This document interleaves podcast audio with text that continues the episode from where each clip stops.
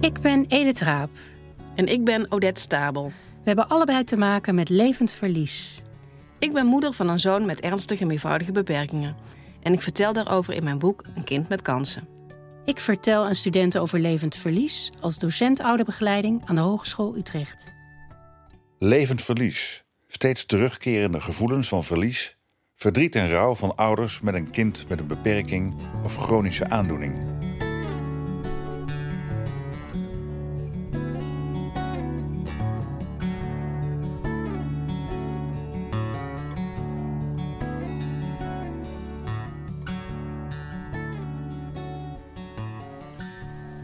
Vandaag spreken we met Wim Gozes, docent en trainer ouderbegeleiding en groepsprocessen en vader van een verstandelijk gehandicapte zoon met autisme. Wim heeft net een lezing gegeven op het jaarlijks congres Levend Verlies, Blijvend Verdriet. We zoeken een apart kamertje en gaan met hem in gesprek. Zou je je aan de luisteraars willen voorstellen? Ik ben Wim Goossens, ik werk bij Zuidhogeschool, Academie voor Sociale Studies en Academie Gezondheidszorg. En daar heb ik uh, uh, vanaf 2006 initiatief genomen om ouderschap, ouderschapstheorie op de agenda te krijgen. En dat uitzicht in een minor keuzemodules. En we werken ook heel veel in het werkveld zelf rond dit thema. Dus dat betekent bij organisaties, jeugdorganisaties, onderwijsorganisaties, organisaties voor mensen met een beperking, rond het thema ouderschap. En het laatste is dat ik een, um, een initiatiefnemer ben van een internationaal consortium van zeven hogescholen over het thema ouderschap, ouderbegeleiding. Hoe kom jij bij het thema ouderschap?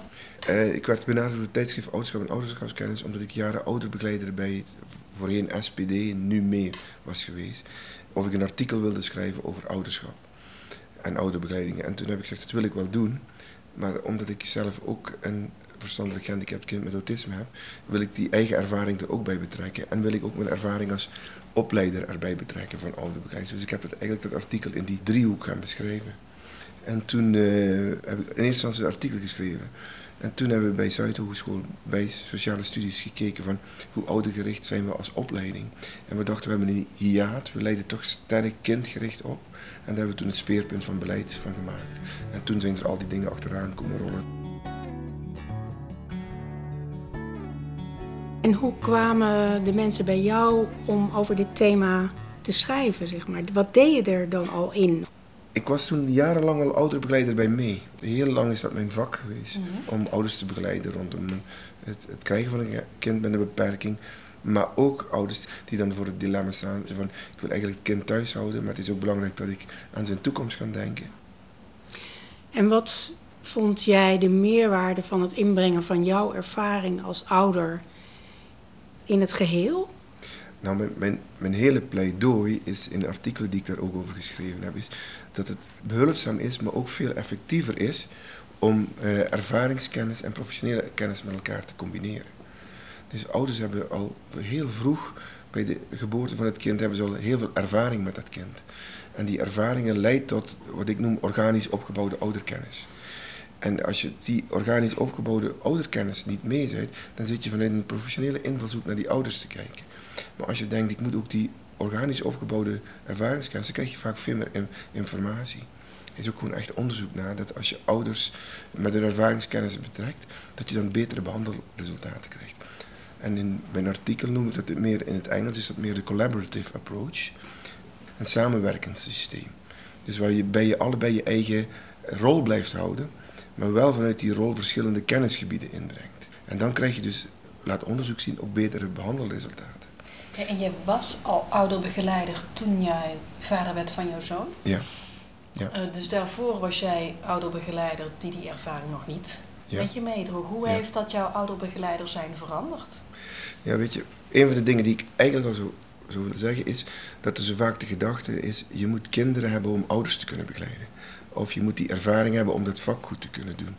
En volgens mij is het zo dat, uh, dat ik heel veel goede professionals tegenkom, vooral de jonge professionals, die echt heel goed in hun oudergerichtheid zijn.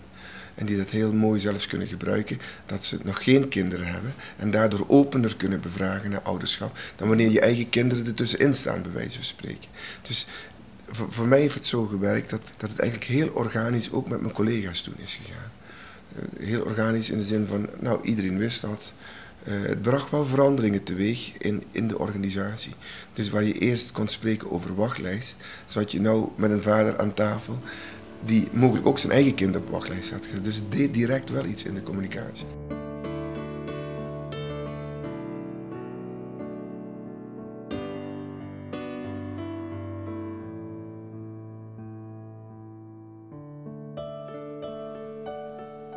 We vragen Wim wat zijn eigen ouderschap van zijn zoon hem over levend verlies leerde. Een aantal van die zaken rondom dat chronisch zijn uh, van het hebben van een kind met een beperking, dat dat wel gevoed is ook door mijn eigen ouderschap. Dat ik dacht van, dit is niet zo'n klus die hier begint, lineair, en die daar ergens afgerond is. Want du moment dat je weet wat de diagnose is, weet je ook dat het voor de rest van je leven is. En dus, dus ik denk wel dat ik... Uh, veel meer mildheid ben gaan ontwikkelen naar die chroniciteit daarvan. En veel meer ben gaan zoeken van, wat is, waar, staat dat nou voor? En ik ben meer wegbewogen van termen als van acceptatie of non-acceptatie. En meer gaan kijken, maar wat speelt er nu in, in je leven wat belangrijk is voor, je, voor, voor, jou als ouder. En, en, en ik vind in die gedachte van die acceptatie, vind, daar zit een soort normatieve normatieve dwang in. Dus wat, wat nou met de ouders die in de oude terminologie niet accepteren? Welke oordelen voelen die ouders al? En als jij daar weg van kunt blijven, van die normativiteit, dan kunnen die ouders ook vrij praten. Er ontstaat echt iets heel geks. Als je als werker niet kunt accepteren, de ouders het niet accepteren, breng je een paradox in het contact. Want dan kun jij niet accepteren dat iemand iets niet kan accepteren. Hoe wil ik dan als ouder bij jou terecht kunnen? Heb je dat zelf in jouw vaderschap ervaren? Kijk, niet, niet, in, niet in de zin van dat ik, dat ik uh, professionals tegen mij over heb gehad, mhm. eh, die dat vanuit een heel bewust kader en zo naar mij inzetten.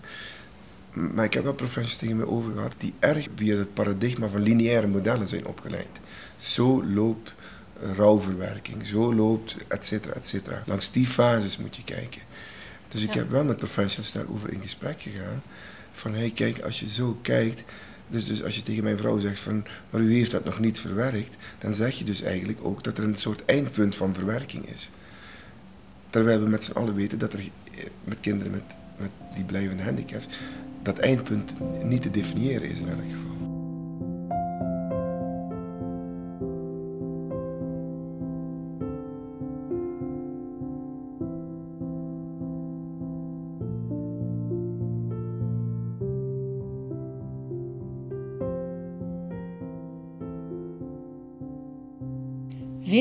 Noemt een ander model, het Doolhofmodel van Ter Horst.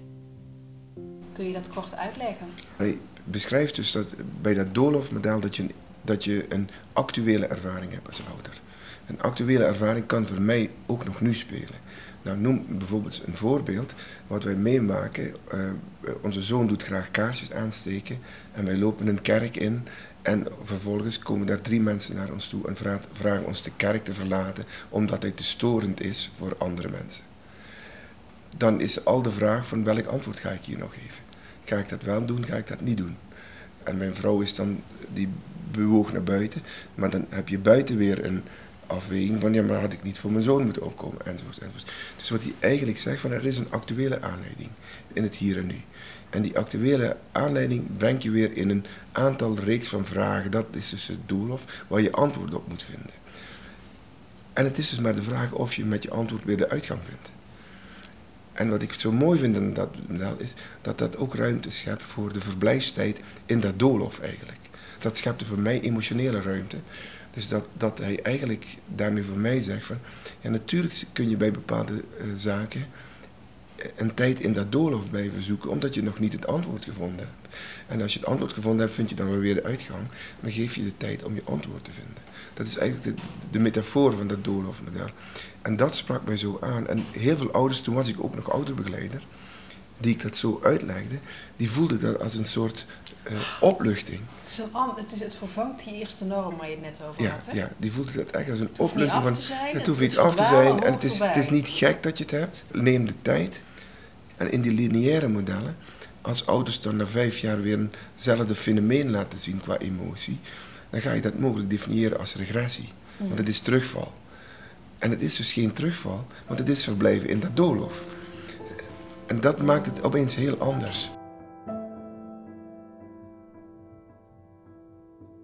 Wat zegt de term levend verlies jou?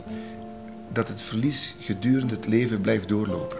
Levend verlies is, ik, ik heb verteld vandaag dat ook mijn ouders op jonge leeftijd ben verloren. Maar er komt op, ooit komt er een moment dat je, dat je daarbij denkt van nou, in ganzen kan ik daarmee omgaan, kan ik daarmee leven, et cetera, et cetera. Dat klinkt lineair, maar dat is ook niet lineair. Want ik vertelde vandaag dat ik zelf grootvader ben geworden. Ik had wel leuk om mijn eigen opa zijn met mijn eigen ouders te kunnen delen. Snap je? Dus, dus dat is weer dat doolhofmodel. Dus zo'n komst van een nieuw kind is van de ene kant vreugdevol, vreugdevol, vreugdevol. Zeker waar. En tegelijkertijd is het ook alweer een repeat van hoe heb ik dat toen meegemaakt. Nu ik zelf grootvader word, wordt het jonge uh, overlijden van mijn ouders is weer eenzelfde thematiek. In het grootouderschap krijg je weer een soort retrospectief aspect waarin je daar weer naartoe gaat bewegen. Dus dat is ook niet lineair, maar je zegt toch er is een verschil. Er is een verschil dat. Uh, ik zou misschien wel kunnen zeggen dat je. Het overlijden van iemand is des leven, dat er een levensbegin is en een einde. En ergens eindigt, eindigt het. En dat kun je, denk ik, wat meer lineair benaderen. Maar tegelijkertijd heb ik zelf ook weer ervaren dat dat lineaire model ook daarin tekort komt. Mhm. Je begon te vertellen dat je daar nog een zekere berusting in hebt gevonden uiteindelijk met je ouders, ook al wordt het terug opgerakeld. Maar dat bij je zoon anders is. Ik zoek naar hoe anders dan. Nou, dat, daar zit dat levend verlies in. Ik, ik hoor het ook wel eens, ik werk op academie eh, voor verpleegkunde, uh, waar mensen met, mensen met dementie, degene is feitelijk nog in je leven dagelijks aanwezig. En daar zit volgens mij het verschil met dat levend verlies. Dus dat, uh, dat daar in dat overlijden van mijn ouders toch ergens een afrondingspunt is geweest. Maar dit blijft gewoon doorgaan. En ik weet niet hoe oud ik word en ik weet niet of ik tot in lengte van dagen uh, bij hem betrokken kan zijn. Maar is het dan de onzekerheid? Het zit in, in de niet voorspelbare confrontaties. Dus die confrontaties die kunnen op momenten komen. Dat is wat ik bedoelde met wat, met wat, wat hij, ze, Manu Kierse zo mooi zegt. Die schaduw. En wanneer komt die schaduw weer naar voren? Snap je? Dus, dus, dus volgens mij is het dat wel zo'n beetje. Dat het altijd weer kan opdoemen. Ook op de onverwachte momenten. En je toch heftiger confronteren lijkt het. Want je, het verlies van je ouder kan ook plotseling opdoemen.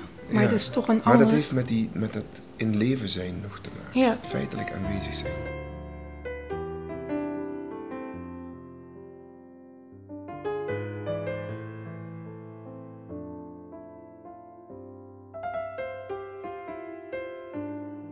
Denk jij, we hebben over levend verlies nog meer, preciezer dingen te zeggen dan wat er nu over wordt gezegd? Toen ik de lezing van vandaag was aan het voorbereiden, dacht ik van, ik wil in elk geval van dat levend verlies ook over, over het meso- en macroniveau zeggen. Want dat microniveau is wel heel vaak onder de aandacht. Dus er zijn verschillende lagen. De eerste laag is, dat noem ik microniveau, dat is gewoon wat er bij jezelf gebeurt je gevoelens, je belevingen, uh, je angsten, je twijfels. Dus levend verlies heeft direct impact voor jezelf. Wat ik het meso-niveau is, het heeft ook op je relatie met je partner betrekking. Hoe gaat je partner ermee om en hoe ga jij ermee om? En hoe ben je in die stamgezinnen waar je vandaan komt, hoe ben je gesocialiseerd op rouw- en leedverwerkingen? Wat zijn de codes die je hebt meegemaakt? Wat zijn de lessen die je hebt meegemaakt? En als je, als je gecodeerd bent op rouw moet je zelf verwerken. Of rouw moet je vooral uiten en bespreken. Dan heb je dus mensen die met twee verschillende coderingen in datzelfde gesprek zitten. En dat is waarom ik het zo belangrijk vind om ook eh, aandacht te hebben voor wat gaat er dus tussen die partners spelen. Maar ook wat gaat er bij de rest van de gezinsleden spelen. En bijvoorbeeld, hoe, wat is de aard en het karakter en het temperament van je kinderen, die ook weer uiting geeft en verschillende manieren van verwerken. Is het kind analytisch of is het creatief? Een kind met creatief kwaliteiten, heeft weer iets anders nodig dan een kind met meer een analytische inslag. Dus die meso-niveau is eigenlijk het omgevingsniveau. Of, Sociale netwerken, opa's, oma's. En wat ik vanmorgen bedoelde is een beetje een vakterm, transgenerationeel, maar leed gaat door de generaties heen. In die zin ook voor grootouders, dat als dus een ouderpaar een kind met een beperking krijgt, dan zeg ik wel eens dat grootouders dubbel verdriet hebben. Want ze hebben verdriet om hun kleinkind en ze hebben verdriet om hun eigen kind, dat gehandicapt kind heeft gekregen. En het kan dus mogelijk ook nog eigen zaken bij hunzelf, die ze hun eigen eh, leed of verlieservaring hebben mee opnieuw actualiseren. Een kind dat ze zelf verloren hebben en dan nu eh, zien dat hun eigen kind ook weer een kind verliest. Nou, dus je moet erop bedacht zijn dat in die omgeving heel veel gaat bewegen. Het gaat ook over rollen en posities die mensen in die omgeving hebben. Van wie is nou de rol van de, van de krachtige? Wie is nou de rol van het slachtoffer? Op wie gaat men drijven?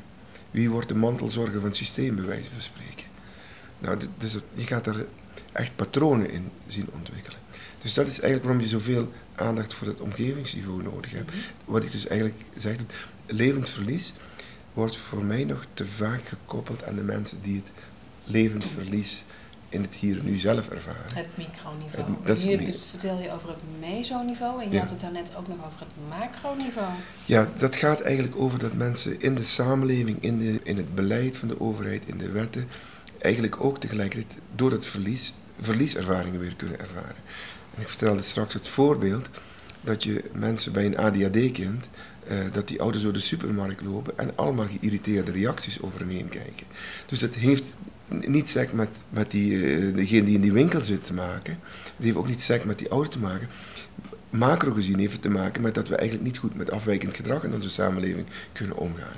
Dus eigenlijk gaat dat ook nog naar binnen komen van hoe heeft deze samenleving, hoe gaat die om met afwijkend gedrag, hoe kan deze samenleving omgaan met diversiteit. En dan moeten we diversiteit veel breder uitleggen dan allochtoon, autochtoon, want diversiteit is ook Limburg, westen van het land. Diversiteit is ook, eh, kom je uit een stedelijke omgeving, kom je uit een dorpsomgeving. Diversiteit is ook, ben je talig opgevoed of ben je niet talig opgevoed. Dus die diversiteit kom je op macroniveau heel erg tegen. Dus, en ik denk dus, we moeten investeren op diversiteitsdenken in die samenleving, zodat ook mensen met een beperking en ouders met een kind met een beperking beter tot hun recht kunnen komen. En uit mijn interviews, mijn gesprekken met ouders, merk ik dat dat altijd een nieuwe klik is. Dat ik zeg van, ja weet je, dit ligt niet aan diegene in die winkel of het ligt niet aan jou. Het, het zijn gewoon maatschappelijke dingen die gebeuren. En zullen we nu gaan bekijken hoe je daarmee om kunt gaan. Dat is iets anders dan dat er iets bij jou niet klopt. Maar hoe kun je assertief worden in die winkelsituatie?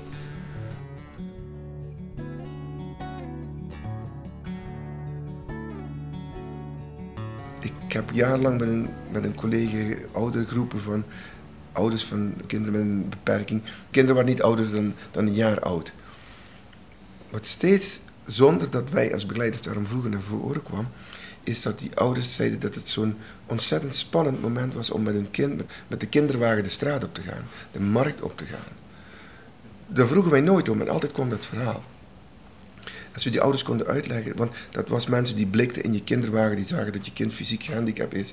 En als je het goed trof, dan zei zo'n burger, wat is er aan de hand? Trof je het slecht, dan liet hij je daar eenzaam en alleen achter en zei ik moet nog naar de HEMA gaan. Om het zomaar eens plat te zeggen. En als we die ouders konden duidelijk maken dat het ook te maken heeft met dat we in een samenleving niet goed gewend zijn om met anders, met fysieke beperking, met handicaps om te gaan. Eh, ouders brachten dat altijd als een persoonlijke ervaring, dat is pijnlijk voor mij. Maar het is ook een maatschappelijke actie die je ouders kunt helpen zetten. En daarom vind ik in dat, in dat levend verlies denken, daar moet aandacht zijn voor macro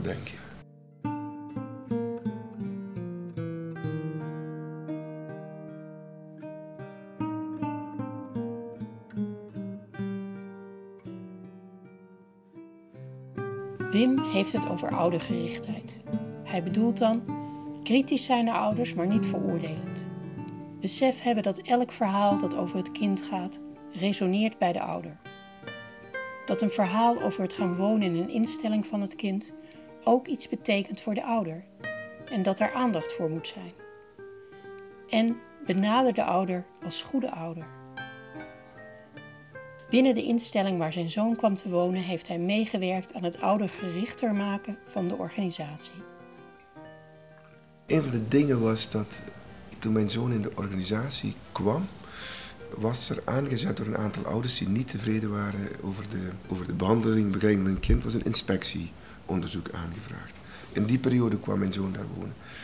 En ik trof daar gelukkig pedagogen, teamleiders, groepsleiders, die echt naar een vernieuwing wilden.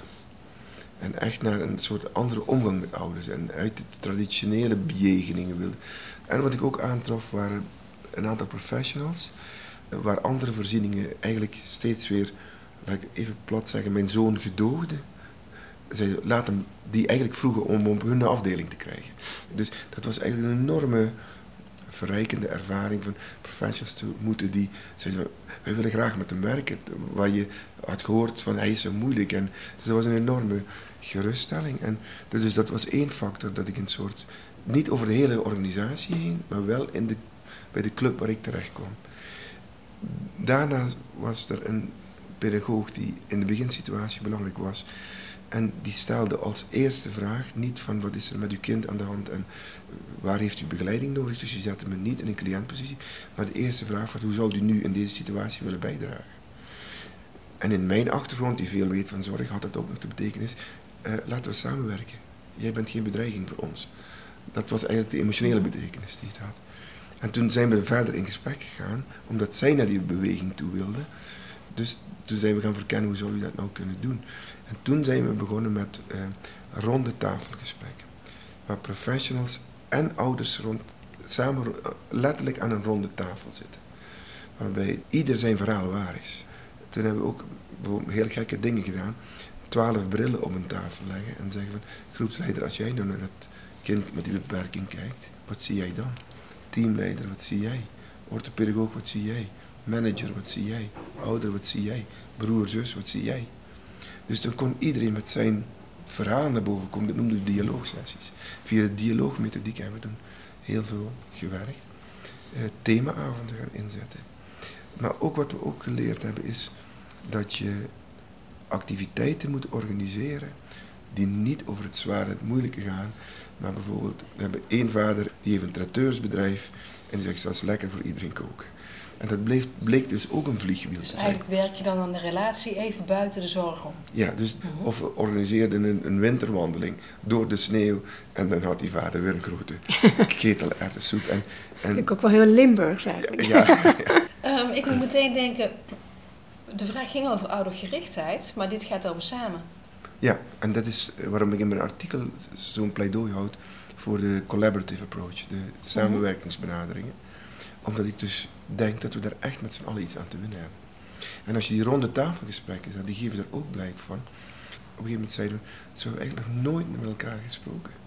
Want het was altijd, wij legden het behandelplan uit. En de ouders zaten aan de andere kant van de tafel, gaven reactie op ons behandelplan. Om het maar zo tegenover elkaar te zetten. We, we lieten ouders thema avonden voorbereiden, in plaats van de professionals. We zetten het in een rond geheel. Je kunt gewoon echt interventies doen mhm. om dat gesprek met elkaar anders op gang te brengen dan het, dan het doorgaans gebeurt.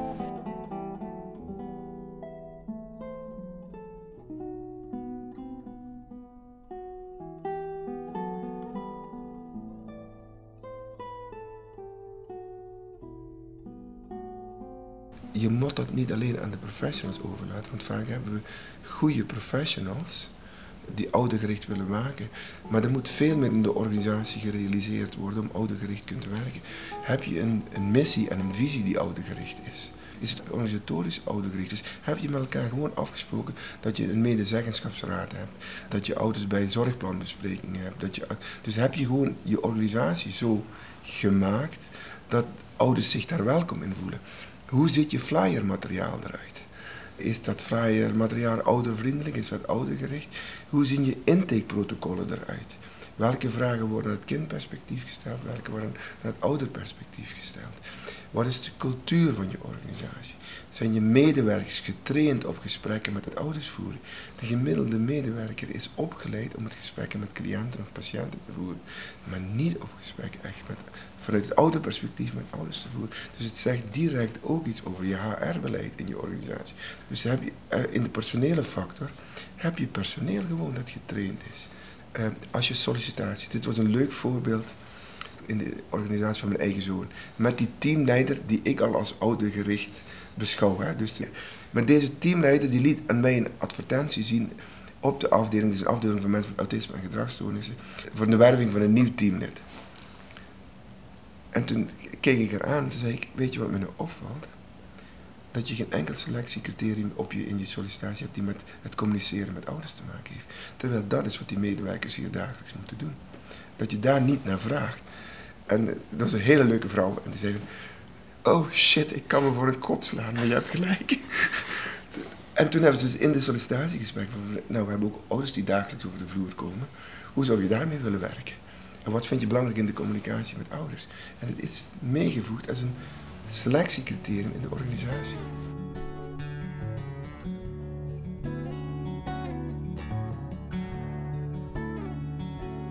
En je moet je ook afvragen in termen van oudergerichtheid. Is het nou voor sommige ouders wel zo handig en verstandig om die op de instelling uit te nodigen, om met de pedagoog en iedereen erbij het behandelplan te spreken? Want sommigen in het Limburgse land, denk ik dan, is het misschien wel veel verstandiger om te denken van, als we deze groepsleider, die nou een fantastisch contact heeft met die ouders, op de fiets, met die bewoner naar die ouders op die boerderij laten fietsen en die de essentie van het behandelplan laten doornemen, hebben we veel betere dingen met elkaar gedaan. Dus dan ga je eigenlijk al je routines ook weer opnieuw ter discussie stellen. Volgens mij is het ook wel helpend soms, misschien nog wel helpender, dat ouders met elkaar dingen bespreken, eh, dan dat je zegt, nou laat ik een voorbeeld geven. Een ouderpaar kwam niet toe uh, aan de stap te zetten om hun kinderen in een woonvoorziening te laten lopen. Dus toen zijn mijn vrouw en ik geweest en we zijn gewoon bij die ouders op een zondagmiddag gaan praten. En er was al de psychologen, de orthopedagogen en iedereen was erover was bezig. En een half jaar later horen we dat die ouders die stap hebben gezet. En dan denk ik, volgens mij heeft dat ermee te maken dat je vanuit een soort gelijkwaardigheid even met elkaar communiceert.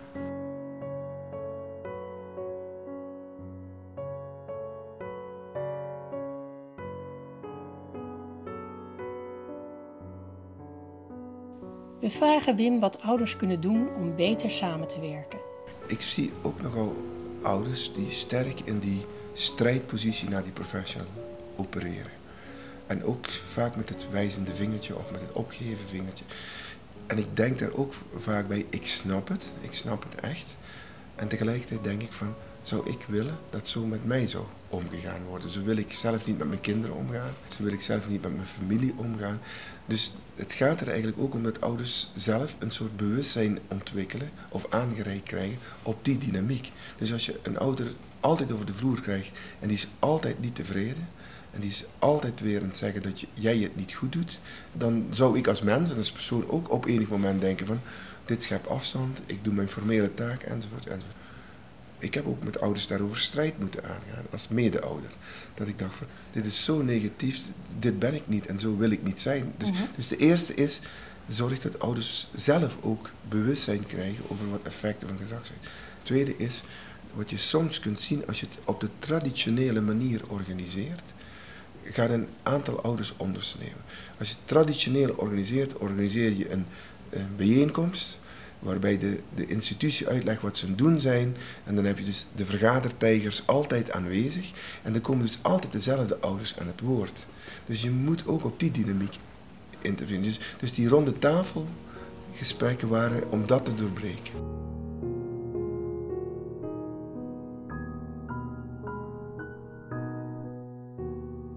Ik heb nogal wat groepsleiding meegemaakt die momenten hebben dat ze echt heel goed oudergericht bezig zijn laat ik nu een voorbeeld nemen wat ik van onze eigen situatie beschrijf. Van ik vind het een fantastische actie van die groepsleider terwijl hij zich daar niet bewust was.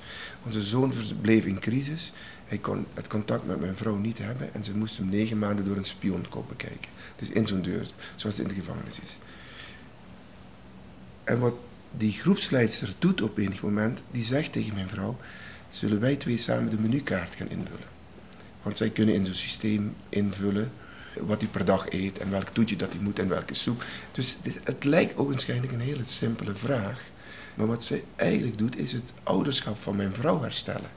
Namelijk van betekenis kunnen zijn in deze situatie. De gemiddelde groepsleider heeft hier niet de spot op staan als hij dit zegt. Dus ik zeg ook wel eens, we moeten met z'n allen, dus niet alleen wij ouders, maar ook de orthopedagogen, de groepsleiding, we moeten die overview hebben en zeggen, hier laat je zien. Hier ben je oudergericht bezig. En we moeten ook als professionals ouders helpen, zeker als ouders nare geschiedenissen hebben en er ontstaat dan een mooi contactmoment, moeten we ouders helpen tegen die professionals te zeggen, dit waardeer ik aan. Ik denk ouders zoeken erkenning, maar professionals zoeken ook erkenning.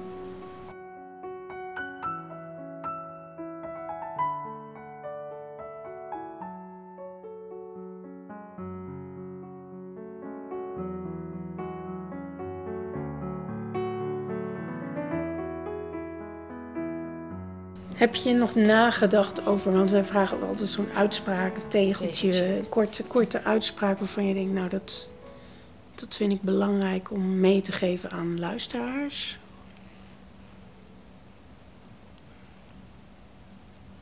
Ja, eentje die, die altijd bij mij opspeelt is van Katie Lee Wiley. Die schreef in haar, in haar lectorale reden... ehm, Parents must be understood before children can be held.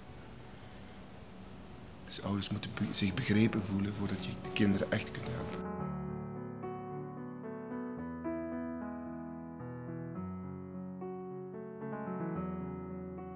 Wim breekt nog een lans voor de kwetsbare professional.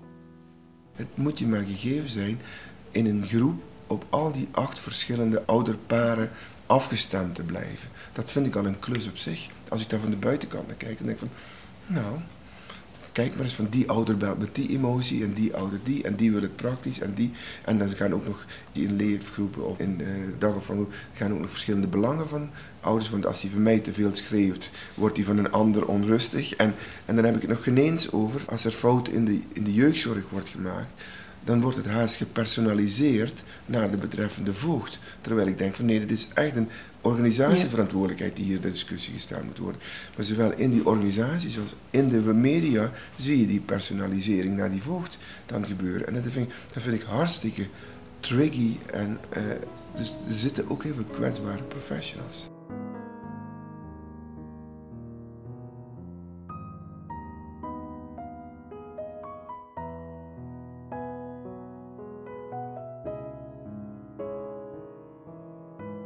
Dit was een gesprek met Wim Gozens, aflevering 15 in de podcastserie Levend Verlies. Volgende maand spreken wij met Fatima, moeder van drie kinderen, waarvan twee met een verstandelijke beperking en verbale dyspraxie. Hopelijk tot dan. Elke laatste zondag van de maand een gesprek over levend verlies. Ik ben Odette. Ik ben Edith. Abonneer je op onze podcast levend-verlies.nl